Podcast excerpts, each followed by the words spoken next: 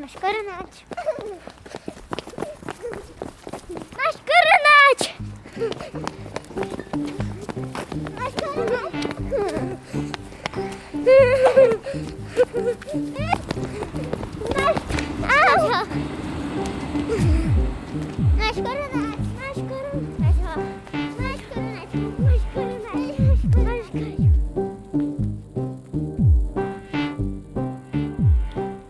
Letošní zima přinesla naší rodině novou zkušenost.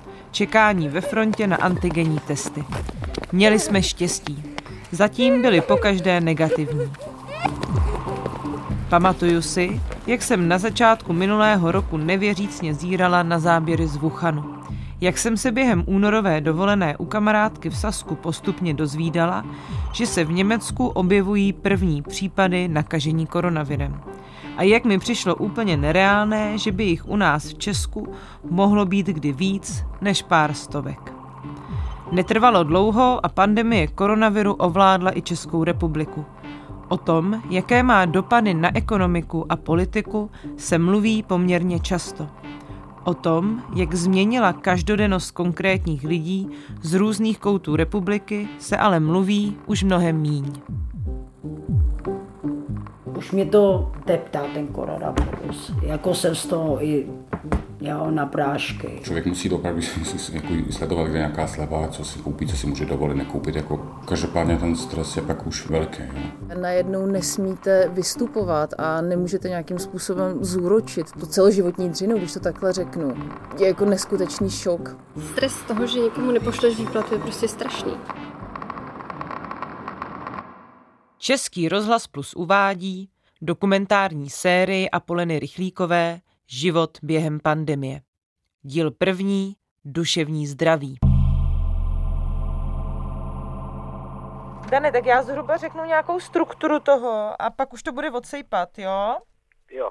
My jsme se někde v březnu jakoby zamýšleli, co vlastně zkoumat a teďka jsme si říkali, že všichni budou zkoumat ty propad důvěry, jako v Babiše a podobně, tak že to není moc zajímavý, ale že ta epidemie by mohla jako zamávat eh, spoustu věcí v ekonomice, sociálníma problémama, ale to třeba i data, které budou ukazovat, jak se mění chování lidí a jak to jakoby souvisí vývoj, s vývojem té epidemie. Jo? Daniel Prokop, sociolog, jeden z autorů výzkumu Život během pandemie. Vlastně jsme už v březnu díky tomu začali tohle ten panel, kde sledujeme každý 14 dní asi 2,5 tisíce lidí. A ptáme se jich prostě každý 14 dní na podobné otázky a oni updateují jak jsou aktivní a jestli se jim propadl příjem a podobně. My z toho vlastně zveřejňujeme na tom webu www.život během pandemie takové jako základní metriky právě v té ekonomice, ale taky hodně v tom epidemiologickém chování, v tom, kolik mají kontaktů, jestli se snaží nějak jako chránit, jestli byli testovaný třeba, jo. takže vlastně jako chceme nějak mapovat tu realitu, která se vždycky s tak stejným spožděním prostě projeví v epidemii.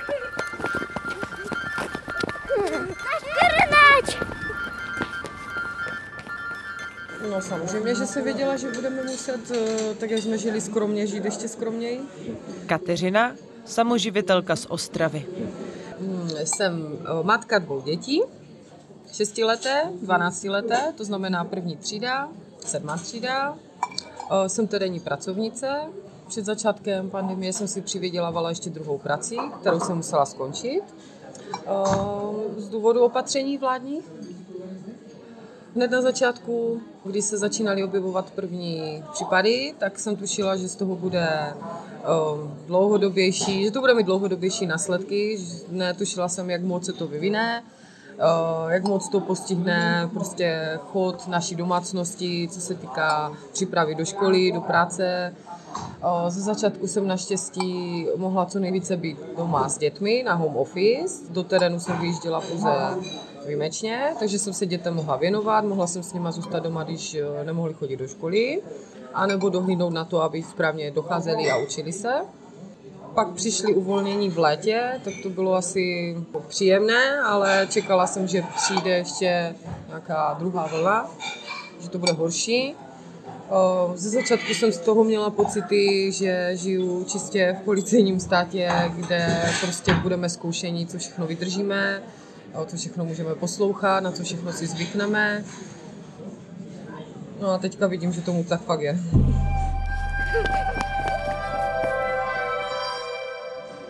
Měla jsem obavy takové, že jsem v té době měla vztah, který ze začátku koronaviru se ukončil a věděla jsem, že zůstanu úplně sama na všechno, že zřejmě budu muset hledat práci, která je lépe placená než jako terénní práce což vlastně hledám práci lépe placenou. Konkrétně u nás v domácnosti korona, když začala, tak když ode mě odešel druh, který jsme chtěli žít, moje dcery byly rádi, že ho mám, tak on vlastně teďka je už umístěný v psychiatrické léčebně, protože se de facto z toho, že má koronu úplně zbláznil, pracoval na Darkově, kde bylo jedno z prvních ohnisek, takže on se úplně uzavřel doma, několik měsíců nevycházel a teďka prostě už je v peči psychiatru a nepomohla mu ani rodina, ani vlastně já s dcerama. Takže to nás hodně zasáhlo. Pak bylo hodně těžké se jakoby přijmout to, že musím doma zavést internet, protože kvůli tomu, aby jsme si s dětmi četli nebo jinak se prostě sebe věnovali, tak jsem doma neměla internet. Takže pro nás velká změna internet, kdy děti stejně začaly s tím jakoby pro mě výchovné takové problémy, že stejně prostě inklinovali k tomu, že byli na nějakých hrách, že byli prostě více si začali, byli zvykle chodit venku, přestali chodit venku ven za dětmi, takže možná někdy přišla nějaká návštěva za námi, ale vlastně de facto pořád my byli na tom, nemohla jsem je otrhnout prostě od internetu. Pro mě je prostě nepřekousnutelný úplně um, nevím, problém. Nechtěla jsem to. Nechtěla jsem někdy internet, kvůli školy jsme ho museli zavést. Na distanční výuku si starší dcera vůbec jako nezvykla, její mladší sestra teď jako prvňačka chodí do školy, ale starší, sestra, starší její sestra prostě, mm, pokud já jsem pryč, nejsem doma, tak nemám kontrolu nad tím, jestli se učí. Takže si hodně zhoršili známky, neodevzdávala úkoly tak, jak měla. Všechno jsme vlastně jenom lepili tak, aby alespoň nějakou aktivitu vyvíjela. Ale prostě musela jsem chodit do terénu, ne, naše služba nebyla uzavřená, takže jsem nemohla už pak pracovat z domu.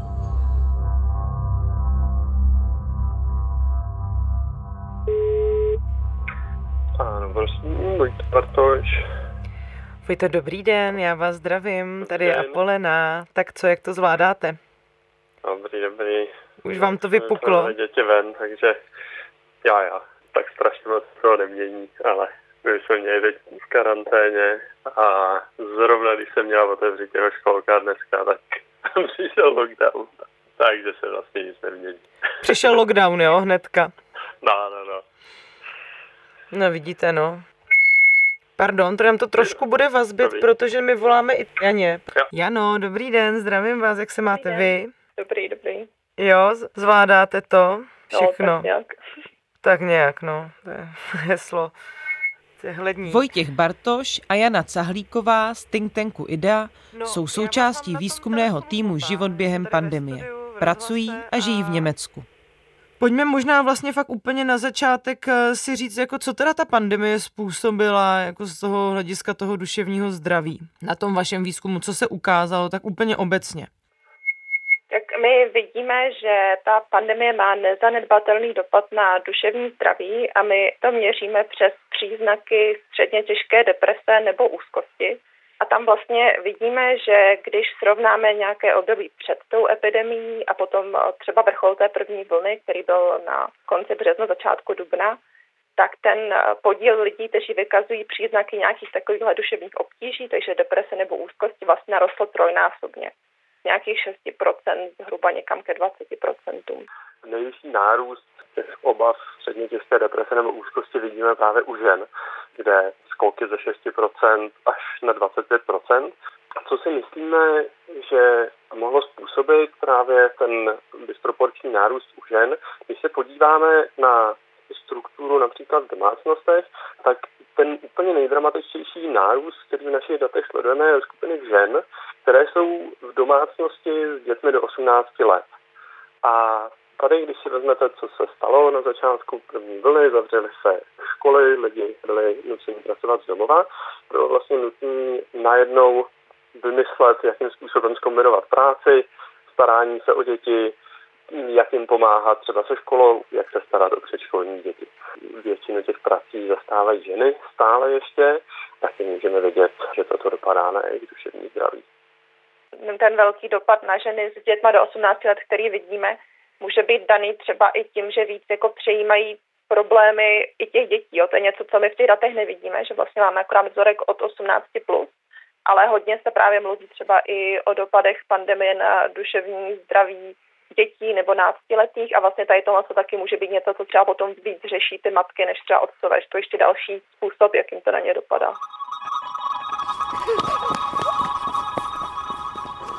Nemám na to, abych měla dobrý noťaz. To znamená, že máme noťaz, který jede pomalu, takže jí znervozňovalo, že se tam nepřipojí. Chybělý, ona je společenský tvor, to znamená, že jí chyběl kontakt s těmi lidmi, s učitelkami.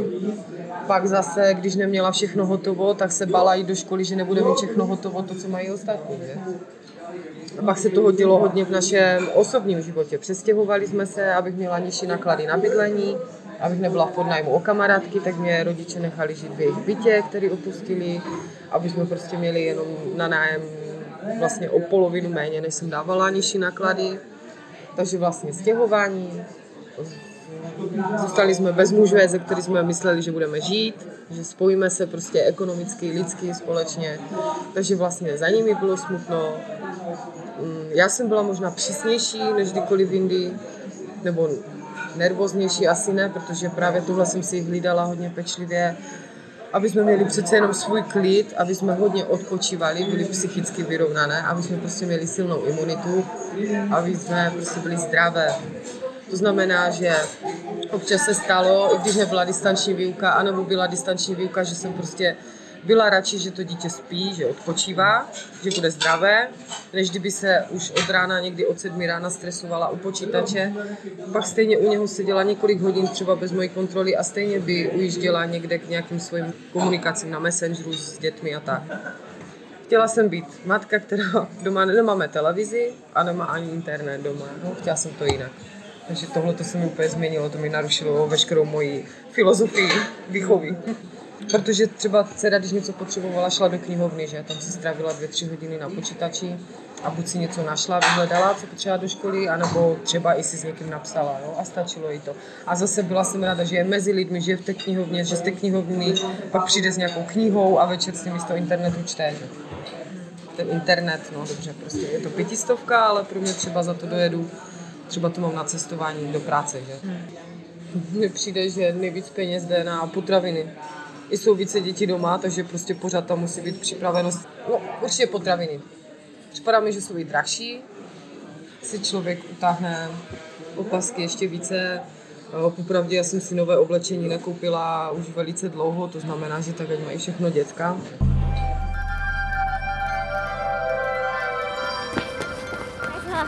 Máš korunečku, máš korunečku, máš korunečku. Když do Česka přišly zprávy o koronaviru. Já jsem to vážně nebrala, jako i nebrali to vážně moji kolegové, jsme z toho dělali vtipy. Světlana, no, mladá hoteliérka z Prahy. A brala jsem to fakt jako blbost, jako další chybku, kterou prostě přehnali časopisy, novináři a tak. Podnikala jsem v hotelu a bylo to 12. března, když začali zavírat školy a začali říkat o tom, že budou zavřeny i hotely. A v tuhle chvíli jsem to začala brát vážně, fakt jsme začali mít z toho obavy a pak prostě hotely byly zavřeny. A no, v tuhle chvíli všechno se zasypalo docela. Měli jsme ten hotel na Barandově, který nám docela fungoval. Fakt jsme se ho prostě, nevím, bylo tam dobrý, jako Prostě probíhaly tam svatby, různé akce a šlo nám to. A pak prostě v jednu chvíli, když ho zavřeli podle nařízení vlády, tak jsem zůstala bez práce. A já jsem, no jako, mám dlouhodobou depresi, ale poslední tři roky jsem nějak byla víceméně v klidu, zvládala jsem věci a hlavně, jak jsem začala podnikat, tak fakt jsem se rozjela, byl, prostě byla jsem šťastná, že to dělám, mi se to líbilo.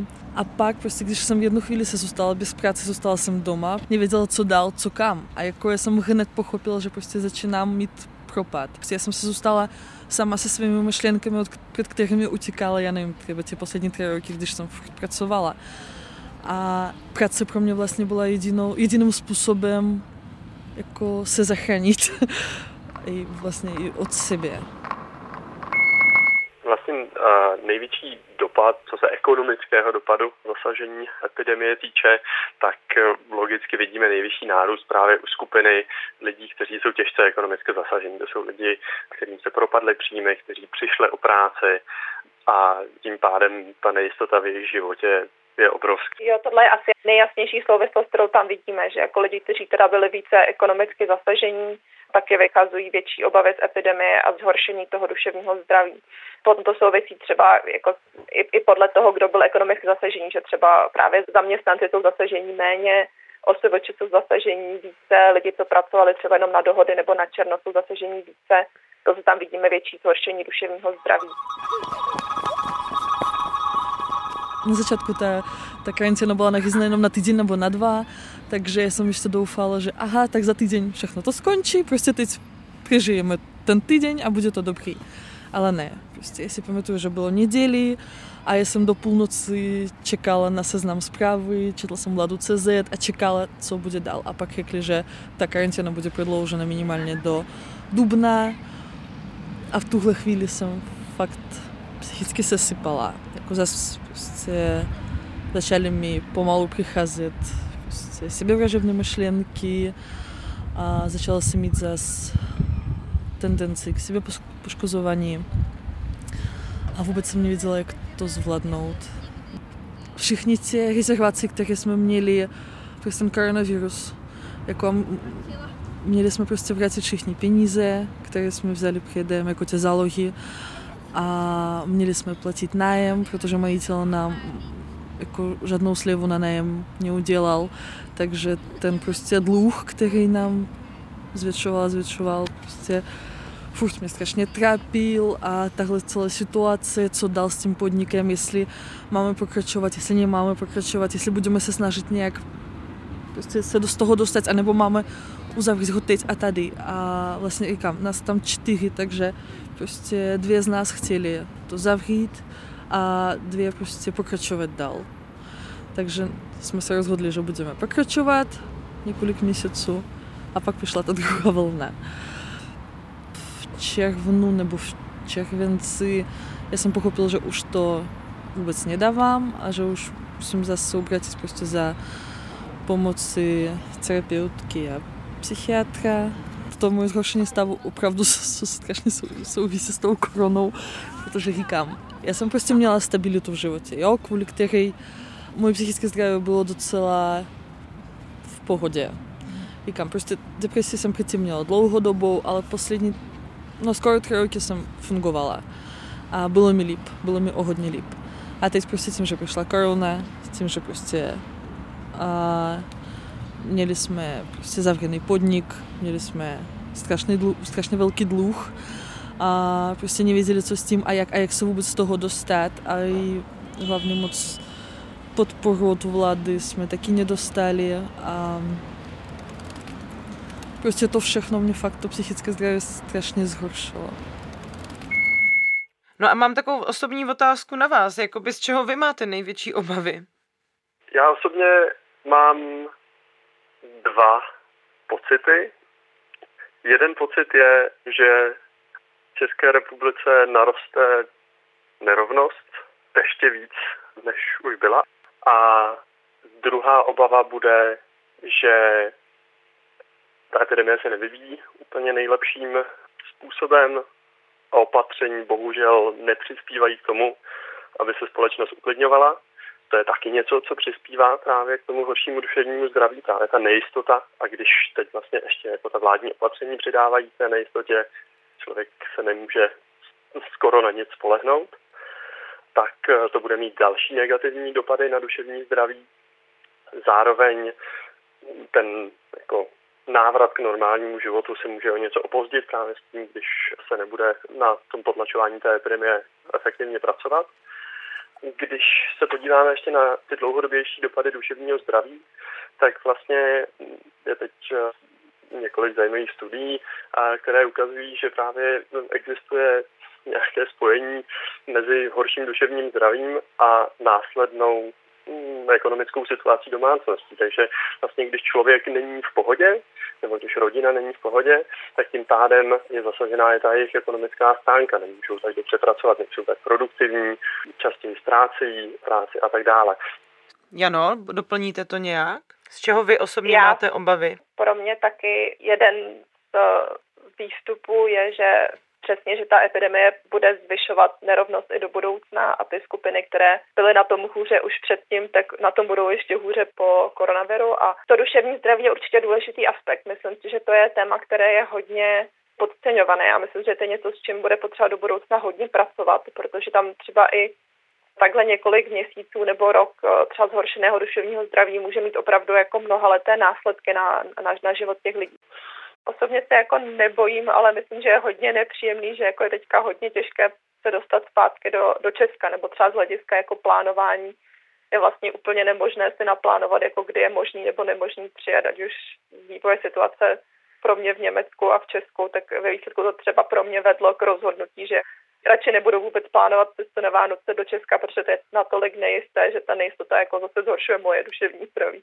Já mám rodinu, děti, takže vlastně musel jsem si zvyknout, jakým způsobem kombinovat práci a starání se o děti, ať vlastně patřím asi k nejprivilegovanější části společnosti. Mám stabilní příjem, o který se nemusím bát, můžu celou dobu pracovat z domova, nemusím se s někým potkávat, eh, se všema se potkávám online, je to naprosto přirozenou součástí mojí práce. Přesto je to únavný. A dovedu si představit, že lidi, kteří nejsou v tak privilegované pozici, v jaký jsem já, který si děsně vážím, tak musí mít opravdu obtížný život.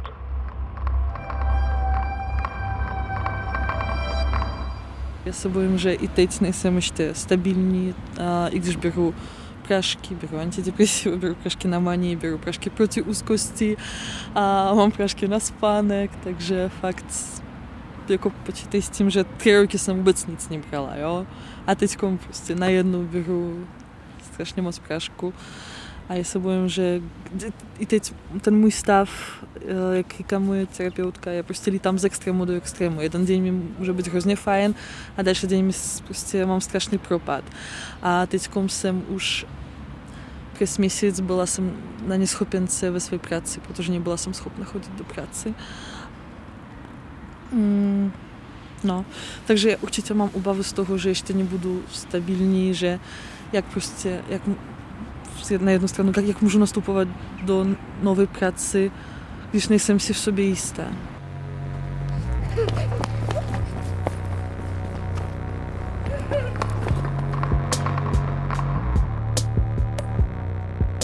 Slyšeli jste první díl z dokumentárního cyklu Život během pandemie, věnovaný duševnímu zdraví. V příštím díle se zaměříme na to, jak nás pandemie ovlivnila z hlediska práce.